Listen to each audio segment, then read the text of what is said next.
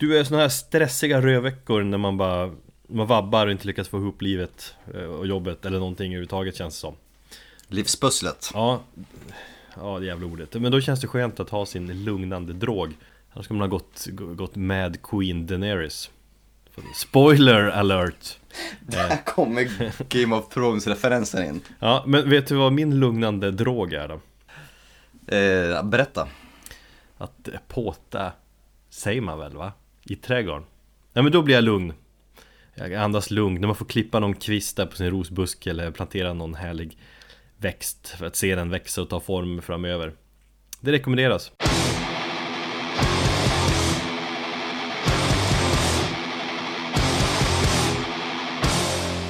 Du lyssnar på Metalpodden. Välkommen. Eh, jag heter Erik och min kollega vinylhipsterkillen där heter Thomas. Hej. Hej, eh, hipster, varför då? Ja men du är ju sån. Nu, bara, nu är det vinyl som gäller. Nu ska jag hänga på den trenden också. Är det bara för att jag köpte Sun, plattan? Ja, till exempel. Jag, jag ville snacka lite Tool, men det vill inte du, så då skiter vi i det. Det lär vi ju få återkomma med hur som helst framöver. Istället tänkte jag att vi skulle gå in på eh, kanske det största som har hänt i Sverige sedan, fan vet jag. Eh, att jag har varit ute två gånger på en vecka och gått på konsert. Det känns jävligt ovanligt för mig. Det är... Är framförallt är jag glad att se dig gå på konserter igen. Jag, jag blir glad för din skull och du såg ut att trivas.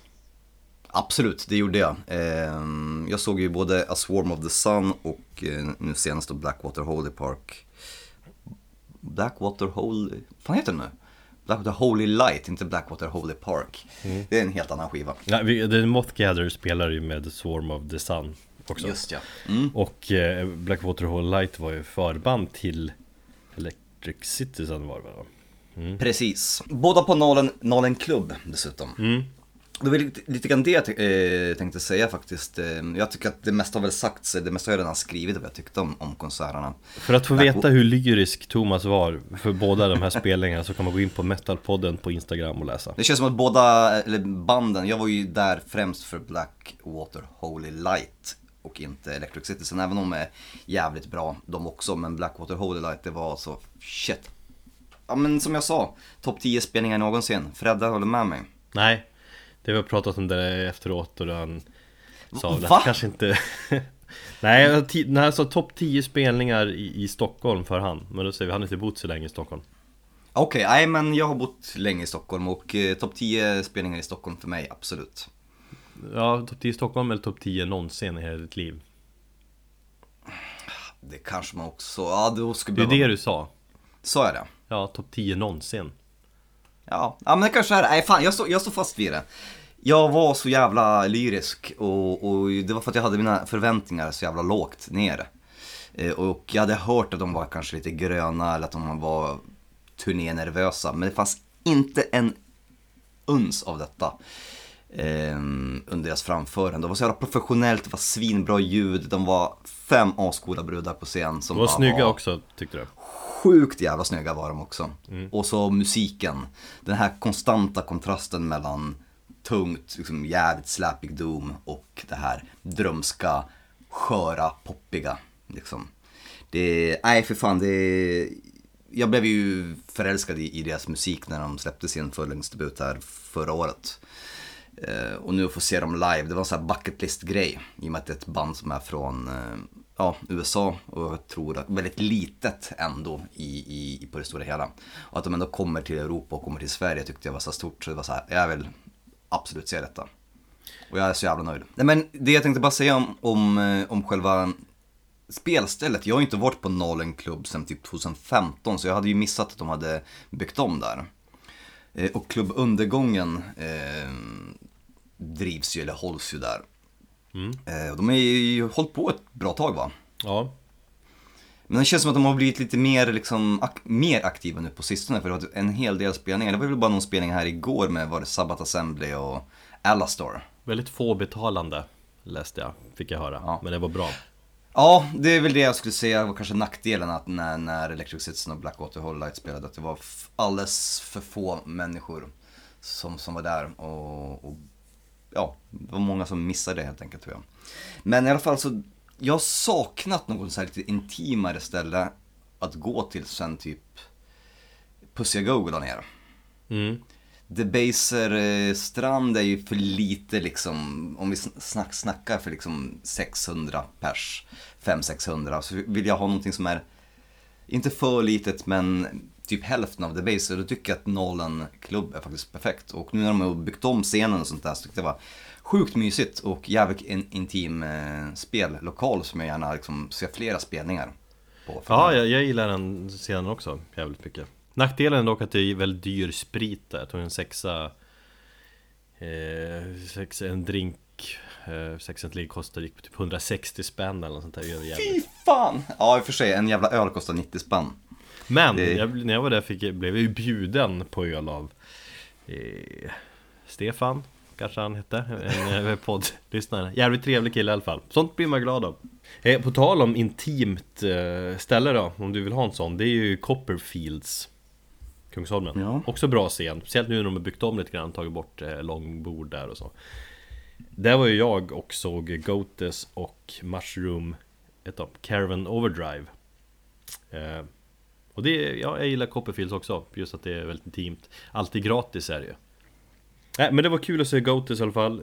Jag har inte gjort det tidigare. Nya sångaren ger lite annan känsla till bandet. Det är lite mer sludge i känslan på något vis. Är det så? För jag tyckte inte att jag kände igen honom när jag såg bilderna därifrån. Nej, men jävligt trevlig att snacka med efteråt också. Ja. Eh, och det är som jag förstår är hela bandet samlade i Stockholm nu så att det är väl fördelar. Ja, okej. Okay. Eh, och de kom ju med nytt material någon gång framöver där, om jag förstod det rätt. Men framförallt gick jag igång på Mushroom Caravan Overdrive som jag aldrig sett eller hört om förut. Väldigt psykedelisk och eh, svampknarkig stoner transferred Christian holy day, the Sabbath, to Sunday. And he moved Jesus' birthday to December the 25th, the festival of the rebirth of the sun. The Catholic Church willingly accepted these refinements even made the transition easier by depicting all Christian saints with a halo, symbol the divine sun. sun.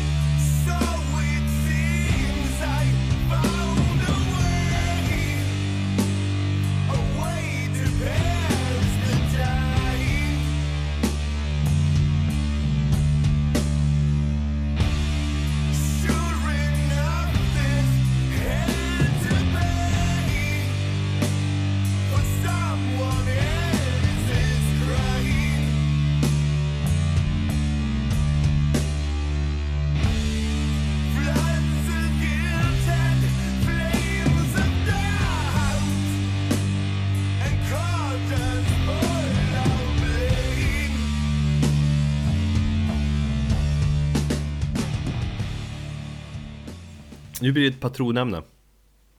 Och säsongens sista. Eh. Sista patronämne, ja. Eh, ja, jo det har vi kanske bestämt. Och det är vår patron, vår kära patron brukar vi säga, Andreas Dahlqvist.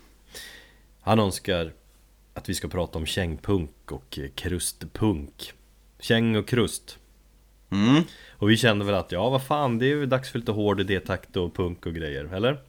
Absolut. Och där fick vi väl lite fria val. Han skrev några meningar till om, vad vi skulle kunna snacka om, vad vi skulle kunna grotta ner oss i. Men jag tänker, det är inte ett helt lätt ämne ändå.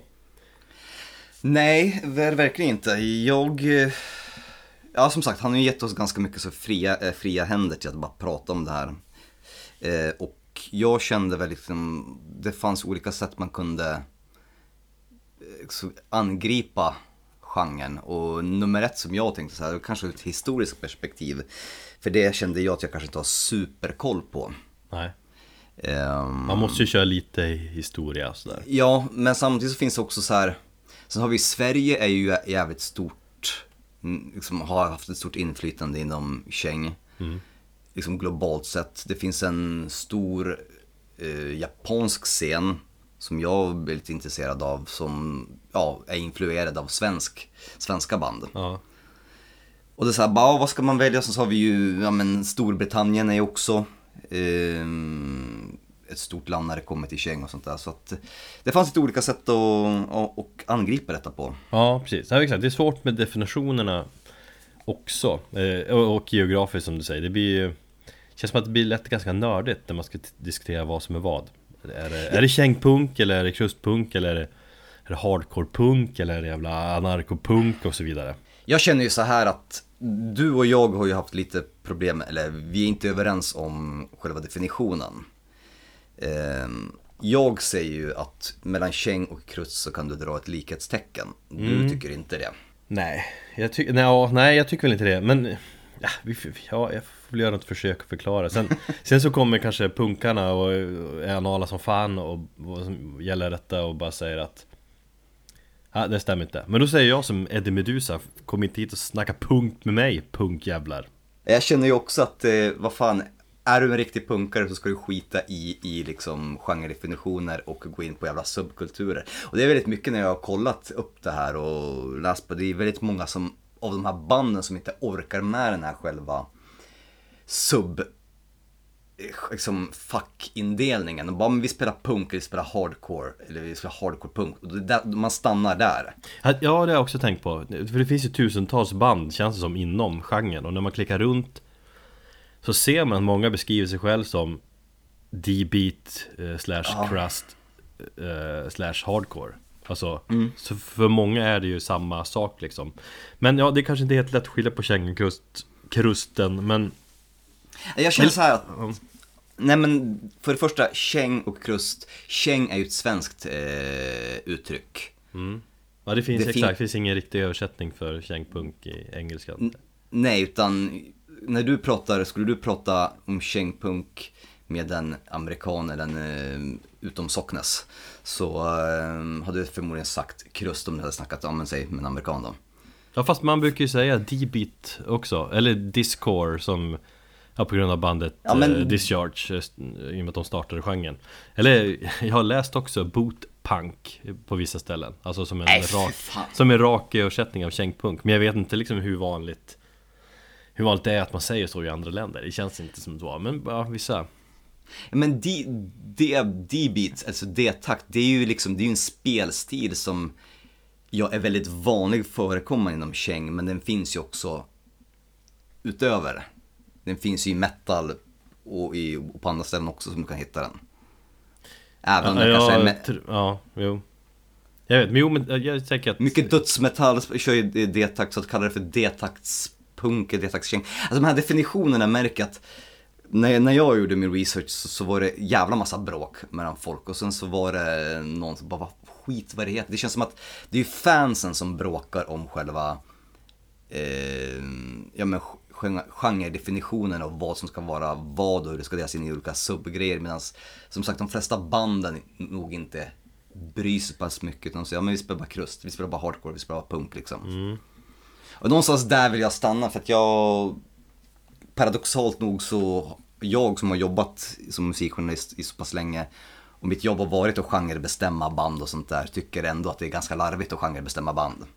Ja, jag jag tycker först- att det, jag kan också vara jävligt less på när man håller på så. Men jag tänker ändå så här Om vi får höra min definition typ. Ja, Visst, krusten är ju, det är ju det är snarlikt Men skillnaden är väl att kängpunken är mer styrd åt, åt discharge-mallen. Den är mer, kanske lite mer punkig men Medan krusten Den är lite mer öppen för andra genrer, lite mer metal. Alltså lite mer varierad kanske. Istället för att vara snabb hela tiden kan ju krust vara lite långsammare ibland och så. Så känns det för mig i alla fall ja absolut, det kan jag köpa. Men det betyder också att de kan ju också gå in i varandra på alla möjliga sätt och vis. Jo absolut, men det, käng är lite mer rakare så. Ja, och, ja okej, jag kan köpa den.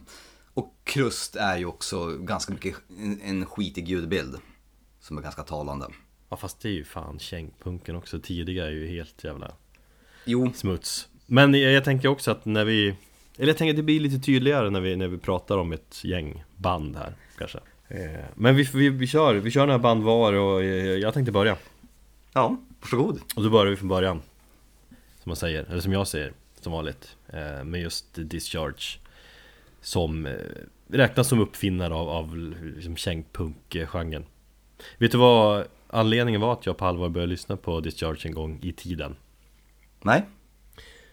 Eh, Metallica gjorde en cover på Discharge-låten Självklart. Free Speech for the Dumb på Gerchenk 98 Du, när, när du säger det så kanske det var i samma veva jag upptäckte ja, bandet och, och den genren också. Ja då var man, då, vid den tiden var vi Fan, jag minns nu när jag lyssnade på den Garage Inc-skivan på, på Rocks. Och det var den första, det är första låten på skivan ja. Mm. Mm. Fan, hade jag glömt bort. Ja, jo jag vet, jag hade också glömt bort det lite grann Nej men då fick jag, jag minns att jag fick upp ögonen lite mer för den här typen av musik Och visst, många har ju synpunkter på den covern eh, Den skiljer sig ganska mycket liksom Den går mycket långsammare och Ja. Lars Ulrik och Metallica eh, Filter på allting Men, men Han kan inte hålla takten! jo Han hinner inte ikapp. Nej, man spelar ju inte lika snabbt som eh, Discharge i alla fall Men, eh, det bra med det hela Det är ju att många fick upp eh, ögonen för Jag tror Discharge har ju fått ganska mycket pengar bara för att på grund av den där eh, inspelade cover till exempel. Så får man ju Ja. tänka på det hela. Mm. eh, Men vad var, ja, Discharge Bildades eh, sent 70-tal eh, Då började de lira musik som lät mycket som The Clash och Sex Pistols. Man brukar snacka om 77-punk Just ja. den tidiga liksom, vågen av, av de där klassiska punkbanden. Sen blev det 80-tal och så förändrade de soundet och blev betydligt råare, mer, lite mer metal. Först och främst så införde man ju den här D-takten då. Eh, och D-takt eller D-beat som man säger på engelska, det, det är ju ett speciellt trumkomp eh, som går i två fjärdedelstakt. Väldigt karaktäristiskt. Det är väl delvis snott från Motörhead och även något annat band som spelade trumkompet tidigt. Eh, Men man tog det ju, eller Discharge gjorde, eller tog det, gjorde det till sitt lite, lite grann. Gjorde det mer distinkt, eh, om man ska säga. Och det var ju då Discharge med det Terry Tess Roberts som eh, Som, eh, ja, men plockade fram det liksom.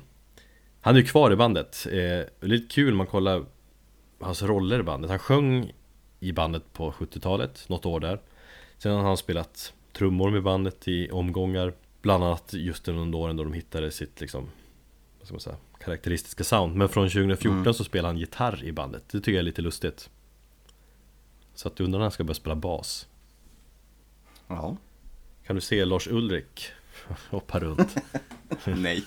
Men jag, jag har ju lyssnat väldigt mycket på debutplattan genom åren. Den klassiska Hear Nothing, See Nothing, Say Nothing-plattan.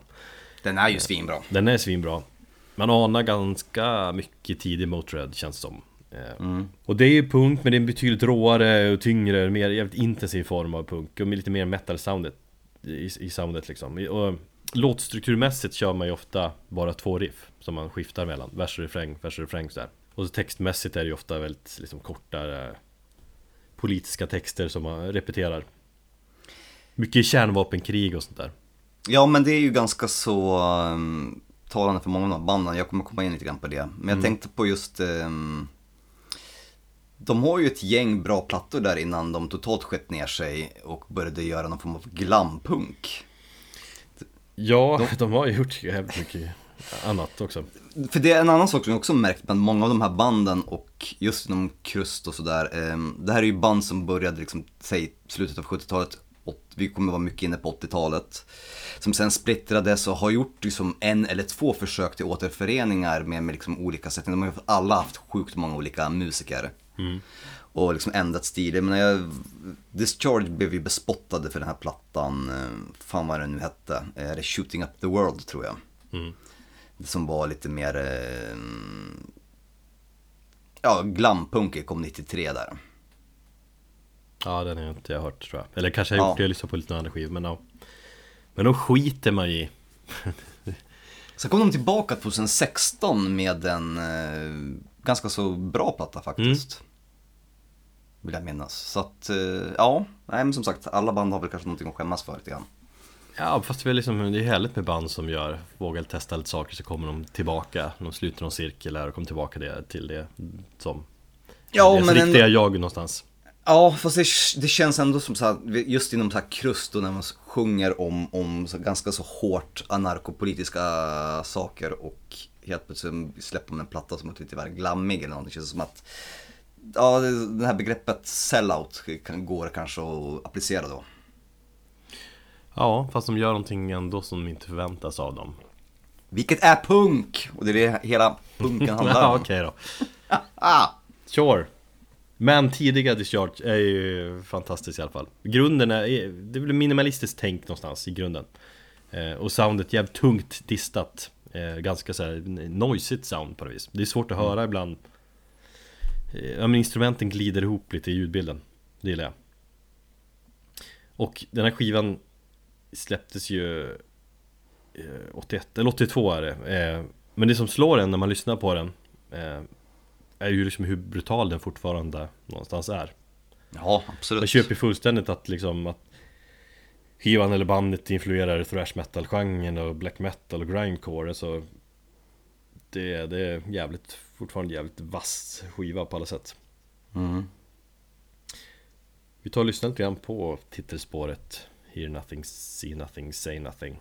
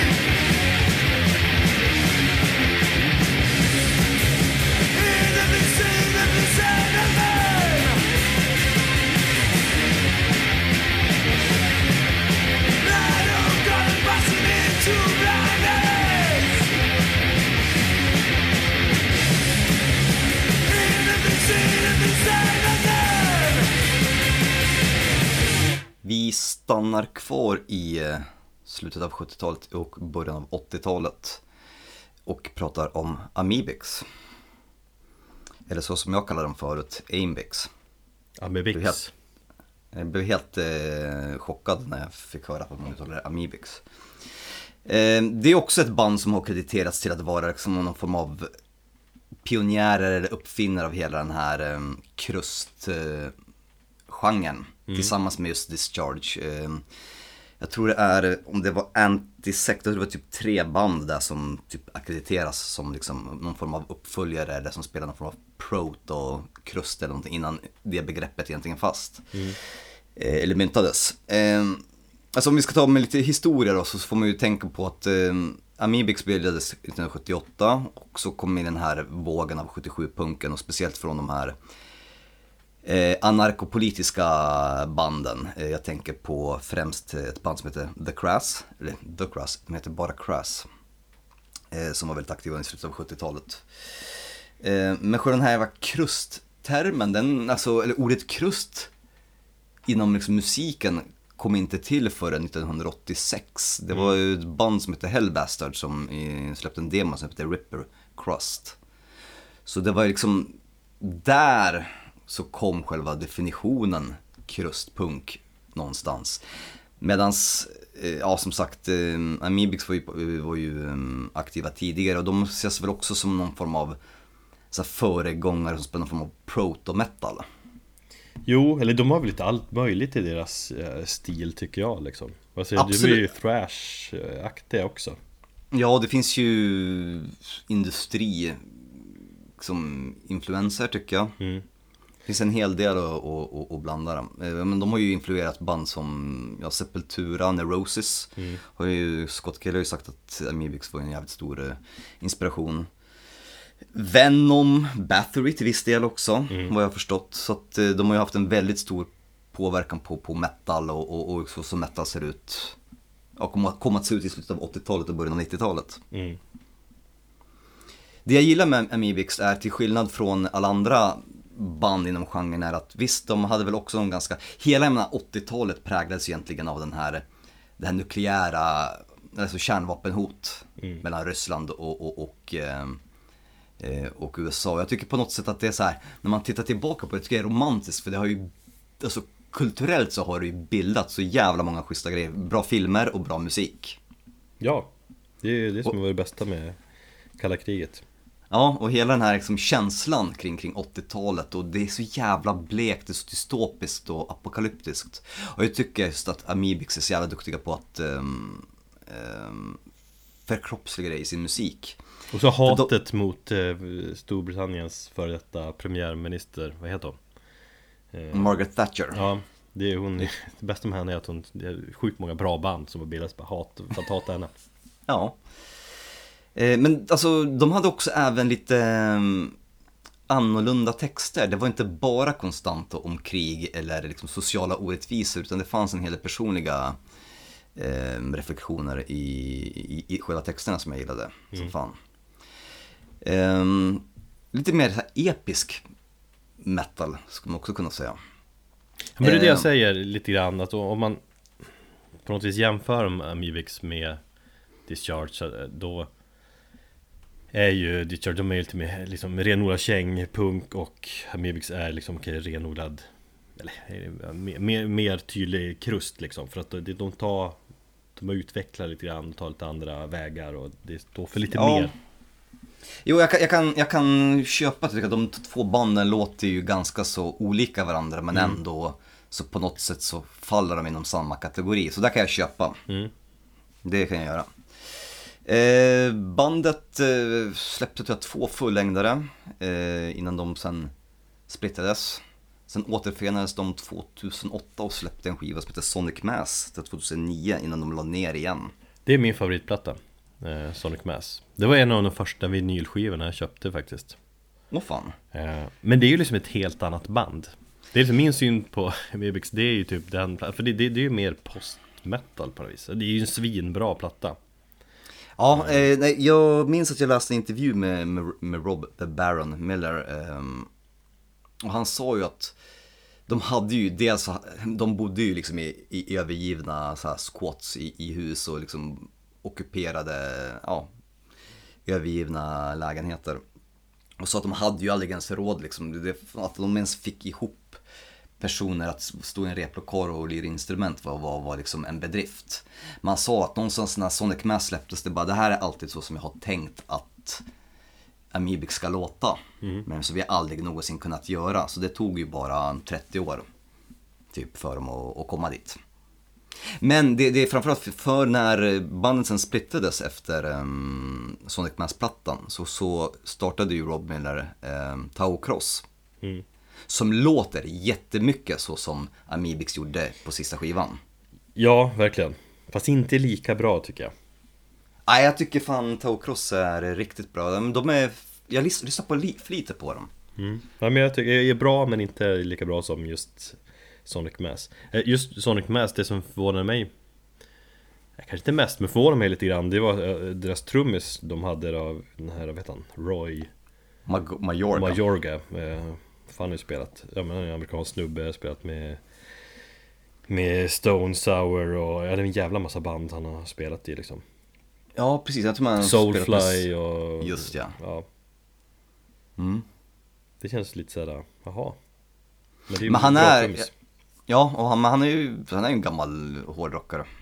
Så att han har ju varit med liksom sedan 80-talet. Mm. Bara att han lyckades ta sig upp och bli en ganska så mer respektabel, eller respekterad musiker. Vi lyssnar på låten ICBM från plattan eh, Monolith. Eh, och det betyder ju då Intercontinental Ballistic Missile. Jävligt passande.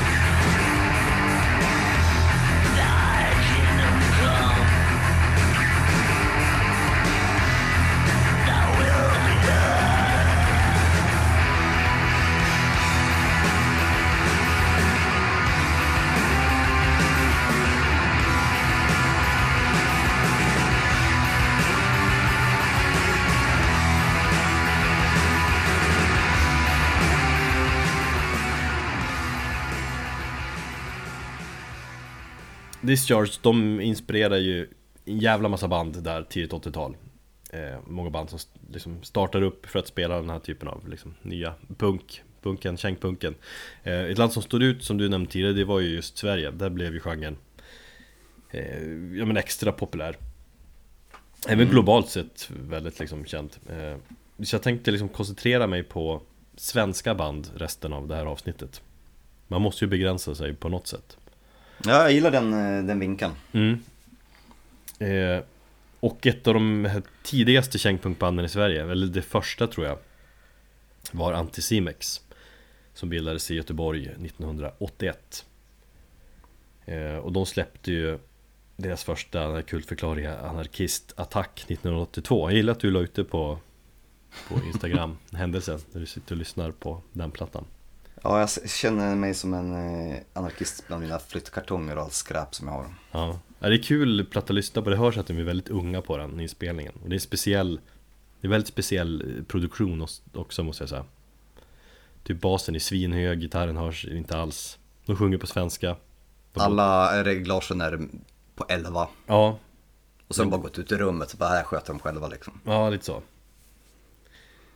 Och det är ju ett sånt där band som blivit kultförklarat. Det var ju som ingen som kanske brydde sig Typ där och då. Men med åren har de ju blivit liksom globalt kult. Jag läser Ja. deras skivor går loss på typ ja, men, X antal tusenlappar om man har någon gammal. Ja, just Det. Det. finns mycket bootlegs och sånt där. Eh, Men det är väl för att de var så tidiga och att de, de fortsatte väl bygga lite grann på hur den här Kängpunk-mallen skulle se ut på något vis. Eh, Eh, just med den här råheten, eh, liksom smutsiga ljudbilden, simpla riff och så. Sen tycker jag de har utvecklats När man kollar och jämför, de har blivit sjukt mycket råare på deras andra EP, Raped Ass Som kom 83 då. Då sjunger de också på engelska Så då har de liksom anammat lite mer av Discharge ljudbilden och blivit Ja men det känns som att de har vuxit jävligt mycket mellan de två skivorna Eller EP'erna eh, Sen har ju medlemmarna till Cimex, de har ju gått vidare på 90-talet eh, Spelar i band som Wolfpack Som heter Wolf Brigade nu och Driller Killer. Eh, För övrigt två svinbra band inom genren Som vi inte då kommer att fördjupa oss i det här avsnittet. Det finns så jävla många band.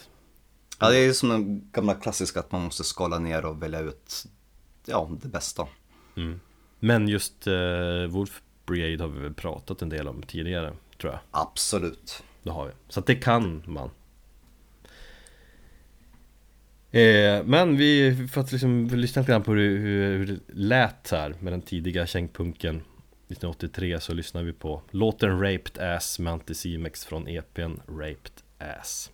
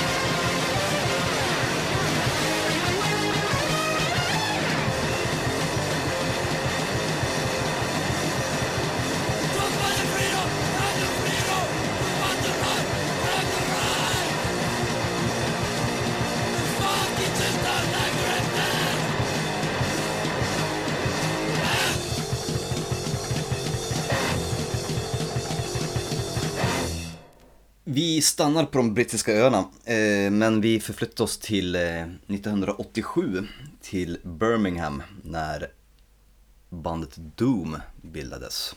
Enkelt och bra namn. Mm. Är väldigt förknippat då med, även där känns eh, med 80-tal och kalla kriget och grejer Ja, verkligen. Eh, De, var ju, de har väl också återförenats i, i omgångar, men den första inkarnationen, den, den som jag egentligen tycker är intressant, det var där mellan 87 och 90. Sen så har de väl gjort eh, återföreningsförsök på, på 90 och 2000-talet som jag inte har någon koll på. Det är också så här, flera medlemmar som har hoppat av och dött och, och försvunnit liksom. Men det är väl just de, de få åren, tre åren som är liksom Ja men att de hann göra De så, klass- så, de- så, de starkt klassiska. intryck, ja exakt, på så få, så få år Jo, precis. Eh, de började som eh, The Subverters och körde någon form av crossover punk thrash innan de började, ja, bestämde sig för att fuck it, vi kör på krustpunk istället. Eh, innan de blev signade då och släppte sin, sin första platta så hade de med Mick Harris som nu spelar i Napalm Death då, på trummor. Men hoppade av ganska, ganska tidigt. Eh, och eh, skivbolaget Peaceville Records som nu är ett väldigt stort bolag. Eh, de hade ju precis startat upp det och skulle ha en sån här compilation-CD som heter A Vile Peace. Och då fick de... Eh, jag blev de signade på Peaceville Records för att spela in en, jag minns inte om det var några låtar eller om det var ett album och sen så valde de ut eh, några låtar för att vara med på den samlingen. Sen genom åren så har ju själva mm, eh, relationen mellan Peaceville och bandet Doom då inte blivit så jättebra. Så man hade ju till och med en sjua som de släppte någon gång senare på 90-talet som heter Fuck Peaceville. Och det har varit ganska mycket bråk om rättigheter och backkataloger hit och dit. Sånt där som är ganska ointressant men som ändå är ganska vanligt inom musikbranschen. Som du genom ditt jobb har fått lite mer fördjupelse i va? Ja, man ser ju, man fattar ju hur det funkar men jag sitter ju med och jobbar med liksom avtal och liksom rättigheter även om jag inte är så jättesuperinsatt så, så finns det ju definitivt. Fast du är sugen på att sno liksom rättigheterna, skriva något fult avtal på något grymt lovande band Absolut, och absolut inte med de banden som jag signar, det gör jag inte. Nej. Men ehm, det finns säkert folk som är det också.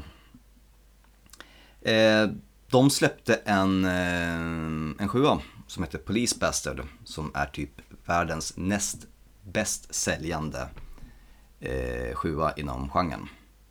Den, den bäst säljande tror jag är Antisect med låten, eh, eller med, fan heter den? Eh, Fuck Nazi Sympathy. Alltså Det här- tydliga eh, nazisthatet och polishatet det säljer lite extra då också Det gör ju det. Extra mycket punkigt Sen så finns det ju något jävligt ironiskt när, när, när, det liksom de, när en skiva som heter Police Bastard har sålt över 20 000 ex. Tycker jag också. Men det är ju den här konstanta paradoxen mellan, mellan black metal eh, och punk och det här kommersiella krafter. Liksom, vart går gränsen? När är man en sellout? Men det låter inte jättemycket 20 000 ex ändå det måste ju ha sålts många fler eller så ful kopior. ja, ja, absolut. Men eh, jag vet inte hur de, hur, de, hur de räknar och vad de räknar på det här. Det har säkert kommit återpressar och, och, och sånt där. Ja, och så ja. har det licenserats. Men nu snackar vi om när, när den kom och under den perioden det var aktuellt. Mm. Sen så vet jag inte hur licenserna ser ut så här och, och, och liksom eh, se- sedan dess. Men, Mm. men där och då i alla fall. Känns som att det är ett väldigt eh, patchvänligt band Man har ju sett loggan på, jag vet inte, åtskilliga jävla västar genom åren.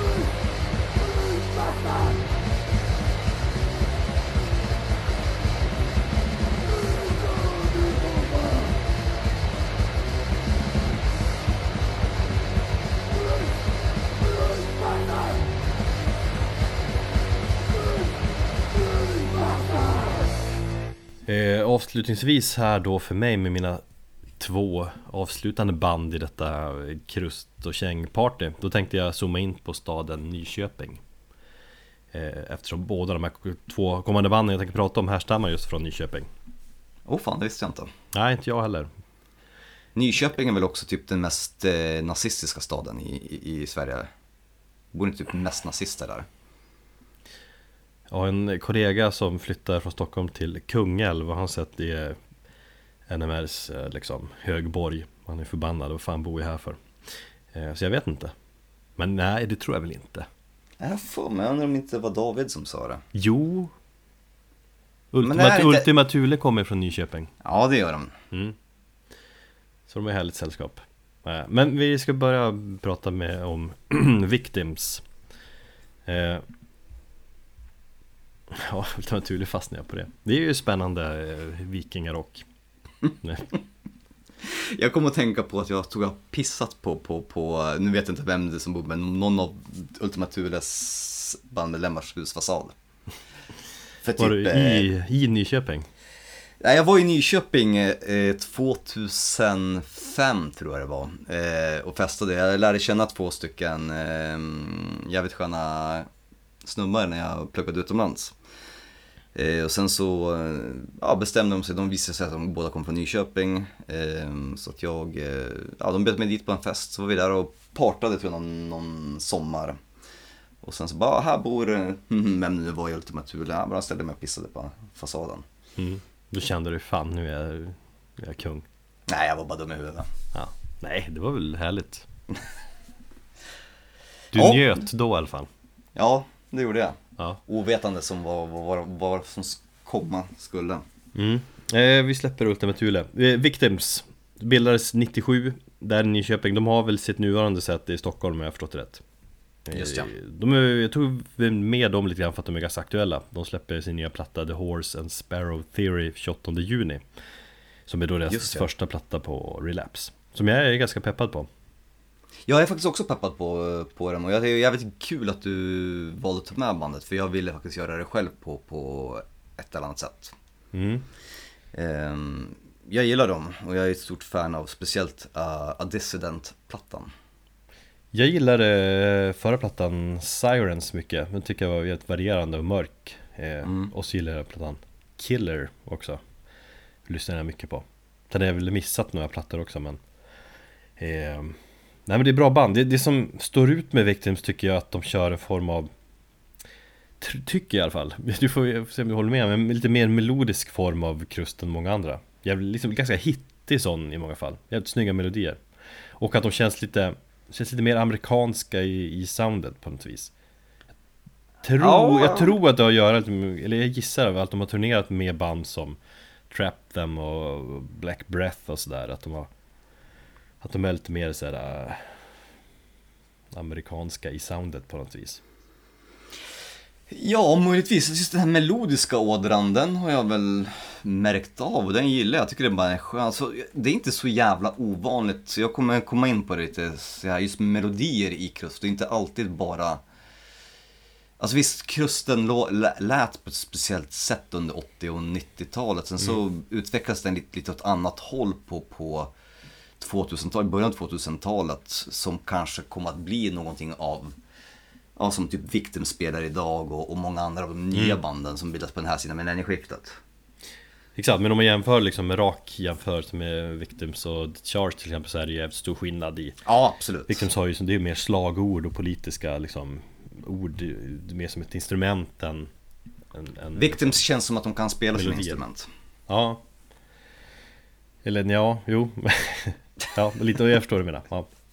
Nej men lite mer amerikanska i, åt hållet i soundet och känslan tycker jag, som sagt eh, Och jag, fan, jag är jävligt peppad på den nya skivan för jag tycker att singeln de har släppt eh, Som är titelspåret Mm. skivan, är jävligt bra Spännande Och att det är något Ja men någon typ mer av mörker i soundet som jag går igång på Du vet vad titeln åsyftar va? Nej Eh, nu är inte jag någon ekonomisk expert här, men det, har, det är någon form av term inom ekonomi. Eh, om att, fan, oh. Det är någon liknelse med att eh, hästen äter upp allt hö och allt det som liksom trillar ner det här brutna höet, de här delarna av hö, höet, det får alla andra dela på. Så det är någon form av, av eh, ekonomisk lik, liknelse, om du förstår mig. The Horse and Sparrow Theory Häst och eh, sparv-teorin Ja, det är sparvarna som äter de överblivna resterna från det som hästen äter upp. mm. Får läsa på om den, men det låter väldigt spännande Det går lätt att googla på och få en, och en definition av själva begreppet. Mm. Nu har inte jag den i huvudet. Nu lyssnar vi på den här låten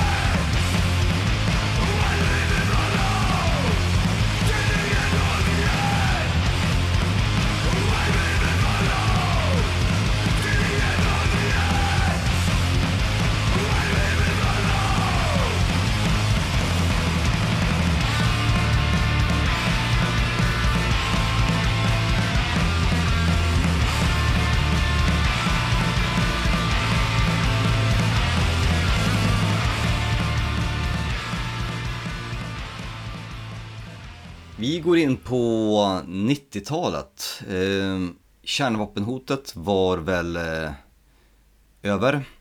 Muren hade fallit, kommunismen hade till stora delar fallit och MTV och eh, hela den västerländska kulturen spred sig som en löpeld. Och det kändes som att krusten kanske försvann lite grann där då. Jag tänkte på just det här som vi pratade om att Discharge helt plötsligt gör någon form av glamplatta där 93.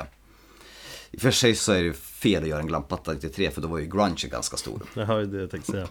Men de, de var väl bara jävligt se- sega. Fabba det är ju punkigt. Det är bara, Nu är glammen död, vi gör en glamplatta Nej jag vet inte. Nej men det kom väldigt många band liksom som tror jag influerades av de här 80-tals, men jag tänkte på band som typ Earth Crisis, som i och för sig är lite mer åt metalcore-hållet, det är ju liksom riktig metalcore så som den lät då, inte det som kommer att bli amerikaniserat senare. Men överhuvudtaget så kändes det som att just kusten försvann lite grann och, och, och var kanske inte lika, lika populär. Kan det göra med att det var liksom inte lika laddat politiskt? Sådär Ja, det, det tror jag definitivt. Eh, Det var ju lite mer lugnare på jorden om man säger så. Mm. Det tänkte jag bara sen så när till exempel Sen eh, George W. Bush fick eh, vara president och speciellt nu när Trump också, Man märker ju när olika presidenter i USA får sin mandatperiod, då, då, då märker man att Plötsligt man, börjar det släppas massa bra metal och grejer Ja, jo, men absolut. Så är det. Jag menar, Ett, band, ett nytt band som heter Iron Reagan med folk från Municipal Waste och Darkest Tower. De kom ju typ i kölvattnet av, om det nu var, eh, ja precis när George W. Bush liksom hade servat klart sitt land. Ja, och som, om inte band eh, knarkar för att göra man bra musik Då är, ska det vara hemska politiker som man kan ta inspiration ifrån Ett av dessa band under 90-talet som gjorde ett väldigt eh, kort men eh, väldigt intensivt avtryck. Det är faktiskt ett av mina favoritband när det kommer till genren. Det är His Hero Is Gone. Ehm, Får jag göra dig besviken? För jag, jag har väl hört talas om dem, jag har inte hört dem sådär spontant Är inte det såhär Tragedies folk? Ja, tre fjärdedelar av dem gick och bildade um, Tragedy sen. För de har jag bättre koll på, men inte... Mm. Nej, ja. De bildades eh, 95 och han släppa tre fullängdare och nog två typ EPs under fyra år.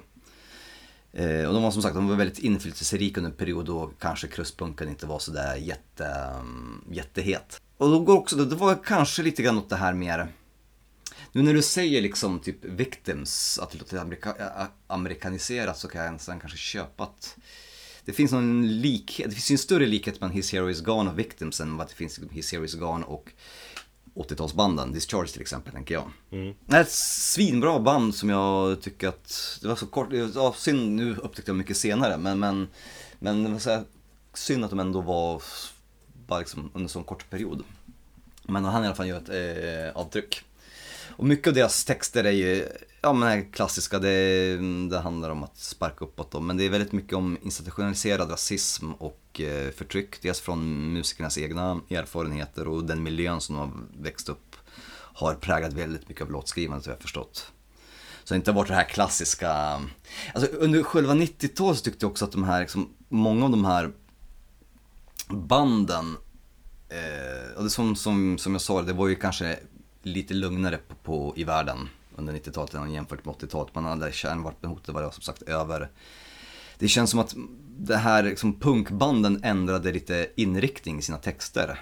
Det blev lite mer individuellt. Det var mer snack om, om djurrättigheter, det var mer feminism. Det var mer snack om, om queers och, och rättigheter för, för, för, för ja, eh, HBTQ, HBTQ-personer. Eh, inte lika mäktigt som kärnvapen i hot och sånt där. Nej, mm, det kändes som att, ja men av kärnvapenhot, vad, hade, vad kunde banden göra då? De kunde inte göra så mycket, de kunde bara ho, eh, skriva låtar om missiler som spränger eh, dem och hur man kan asfaltera ett helt land och göra en IKEA-parkering av det ungefär. Mm. Medan 90-talet liksom födde ju band, ja men som, som Refused och, och liksom en militant rörelse där, där, där liksom sociala medvetenheten också blev annorlunda hos, hos de som lyssnade. Mm, jo, det är sant. Kan jag tycka någonstans. För mig personligen så kanske det känns att det, att det är ett band som sjunger om eh, ja, djur, alltså djurens rättigheter på, på, på ett sätt är mer alltså lättare att nå mig som lyssnare än om man sjunger om ett kärnvapenhot. Mm. Så att eh, His Hero Is Gone höll sig lite mer på, på liksom, om man säger så här, på en verkligare nivå eller på en mer socialrealistisk nivå. Och som sagt, de splittades och gick och bildade Tragedy och sen så är, är det historia. Vi ska lyssna på eh, låten Like Weeds från skivan Monuments to Thieves.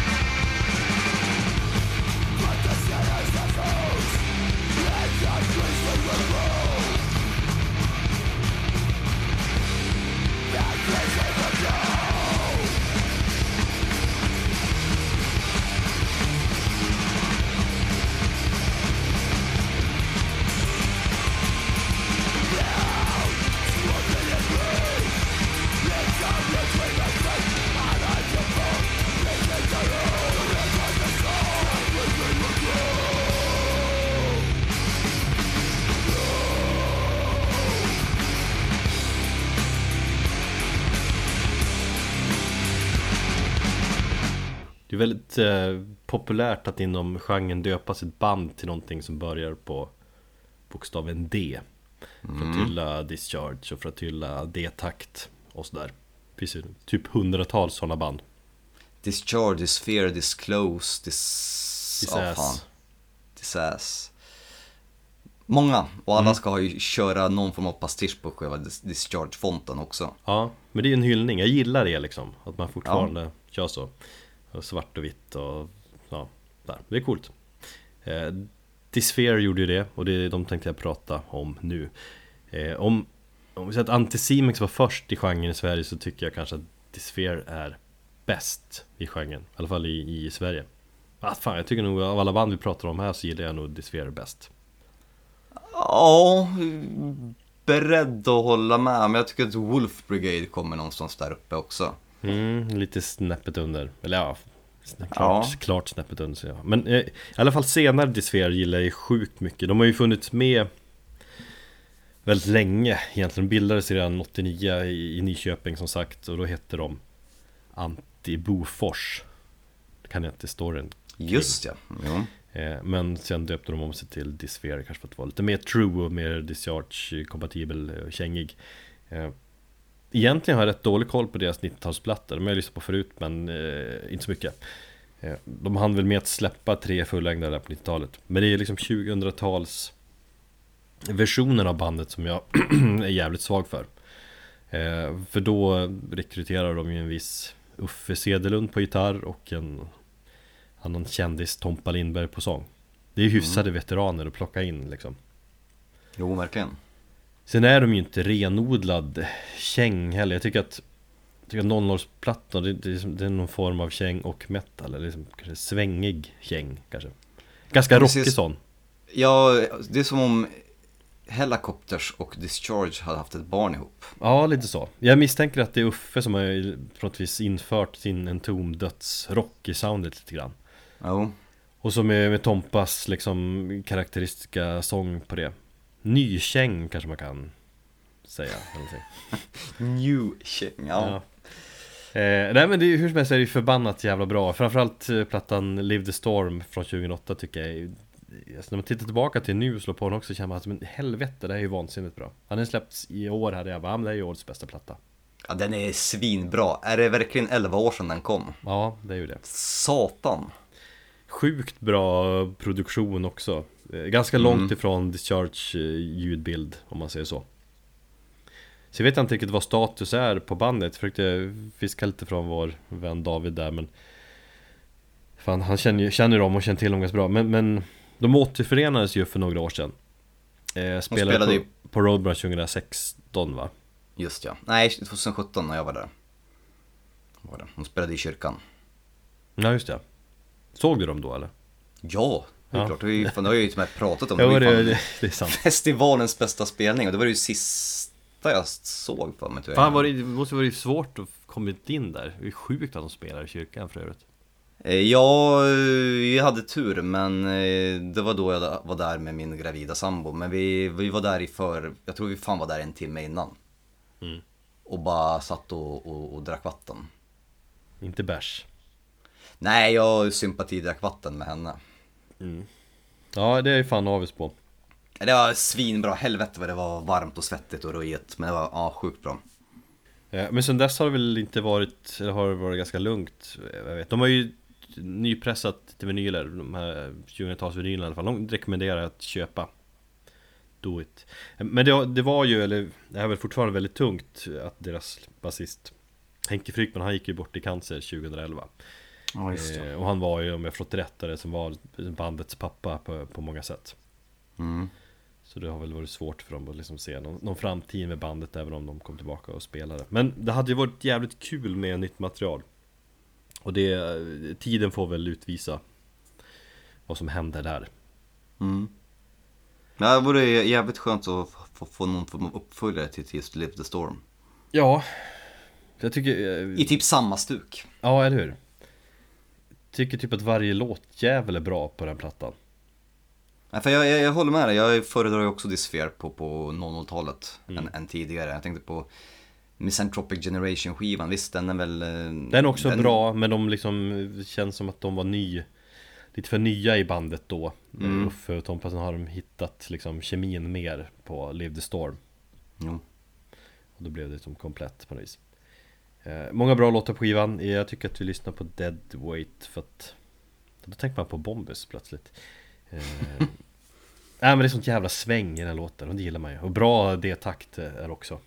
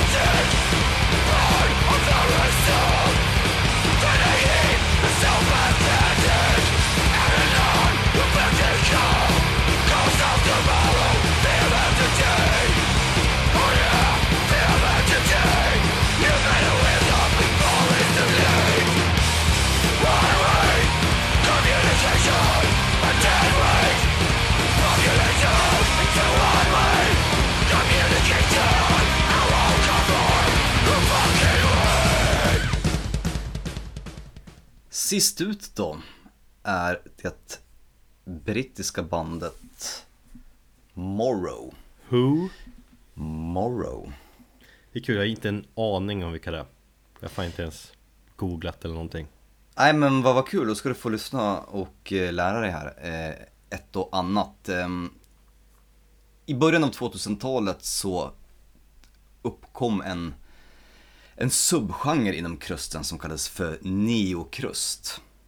Och då ville ju då de eh, riktiga puritanerna säga att det här var ju ingen form av krust för helt plötsligt så började man inkorporera lite eh, element utifrån som inte är egentligen okej för punken. Typ eh, mer melodier och sånt. Mm. Och det att, vad jag har fått för mig så, så var det en hel del spanska och portugisiska band som var ansvariga för den här vågen av just neokrust då. Men eh, Eh. Tragedy, det är inte det typiskt Eller typiskt vet jag inte, men de, de brukar väl kategoriseras in i den här neokrusten någonstans Ja, det gör de. Eh, dock så låter de, Tragedy låter fortfarande väldigt egna. De låter inte som de här melodiska banden som körde den här formen av emo-krusten. För det är just det här emo-krust som vi ska komma till. Eh, och när jag stötte på Morrow för första gången för eh, två år sedan. Eh, och det första jag kom över när jag såg eh, jag tror jag typ bara satt och, och, och liksom plöjde bandcamp. Och så hittade jag ett band med en schysst logga, du vet, så här, ögonfall, bara men här låter intressant. Så kollade jag upp så här, taggarna, vad, vad var det, vad de har liksom klassifierat sin musik för. Och då stod det emo-krust och då spydde jag lite grann i munnen. Och det är flera personer och recensenter och allting som alla hakar upp sig på att de kallar sig för emo-krust. Och det är ju en, bandet gör sig en ganska stor otjänst genom att använda det begreppet för det rimmar jävligt illa. men när du lyssnar på dem kan du fatta att de kallar sig ja. emo-krusta Absolut. För många så tror jag att emo är ju kanske mer förknippat med den här 2000-talets My Chemical Romance och, och, och, och den här emo-poppen eller emo-punken. Jag, s- jag fattar att de kallar sig, eller att de kallar sin stil för emo-krust. Men då får vi se till att, eller vi får ändra på det och kalla det för emotionell krust. Eh, och det som gör så ö, att bandet är så otroligt emotionellt det är just att de använder väldigt mycket violiner och cello i sin musik. Och det är just det som gör att, alltså, det funkar hur jävla snyggt som helst.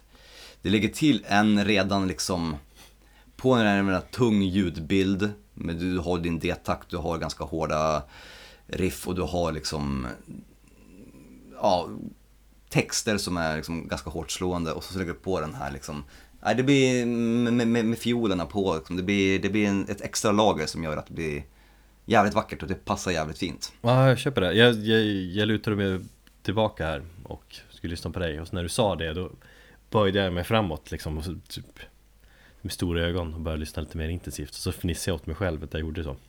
Mm.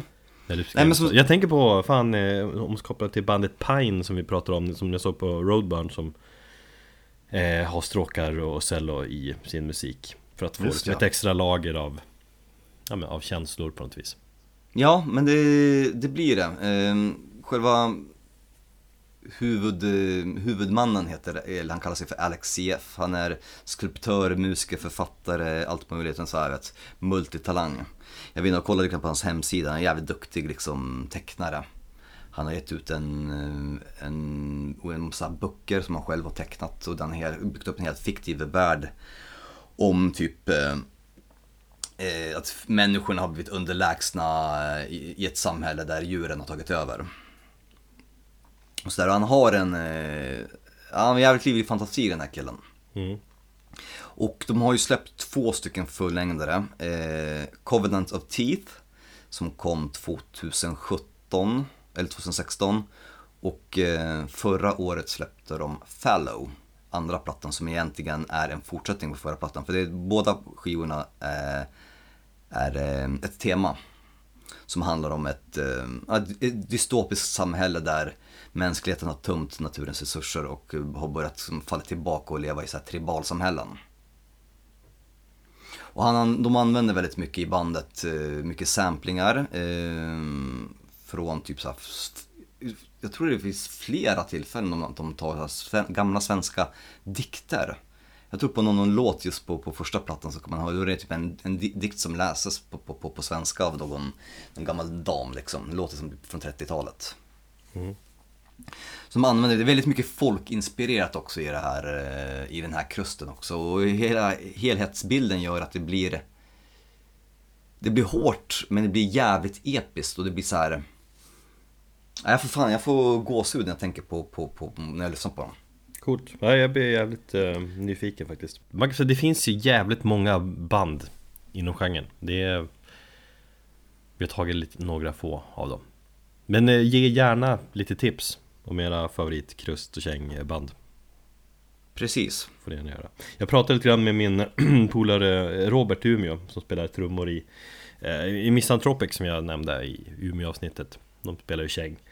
Kommunistkäng säger jag att de spelar. De håller inte med. Men, men de har ju spelat en hel del eh, med liknande band eh, och spelar en hel del utomlands och så här. Man hade inte så många bra tips ändå. Eller han gav väl de här klassiska. Men han menar att och jag har tänkt på det också. Jag tror att det är ett jävligt bra eh, genre att uppleva live.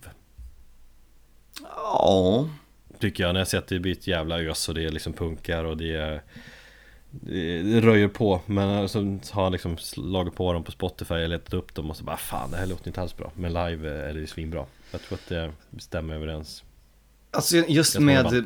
Ja men just krust och sånt där är också en band, som- liksom musik som man kanske inte är där just för det visuella utan du är ju mer, för, för det svettiga och kanske någon form av politisk gemenskap. Jag bara ser liksom, jag tänker på, på, på liksom band som spelar på små punkhak och sådär. mm. Men med jävligt mycket energi och jävligt mycket ös som man vill ha när man upplever Den Ja, men det- typen av liveband Precis, istället för att gå till gymmet så kan man gå in i moshpiten på, på en, på en krustpunkspelning liksom. Ja, få höga armbågar och sånt där Ja, mm.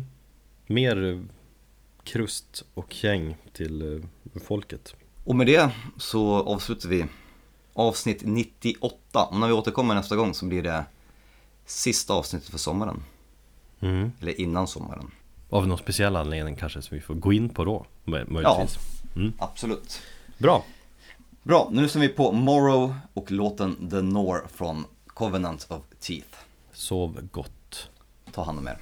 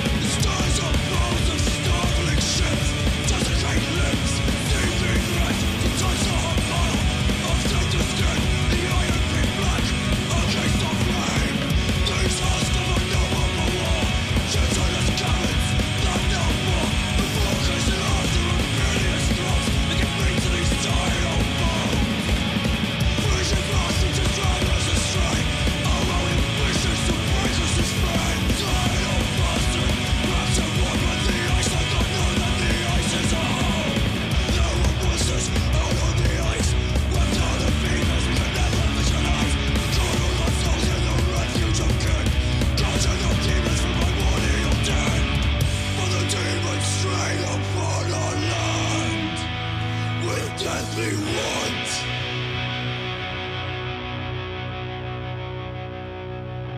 They took that which was not theirs to take, and so we fall.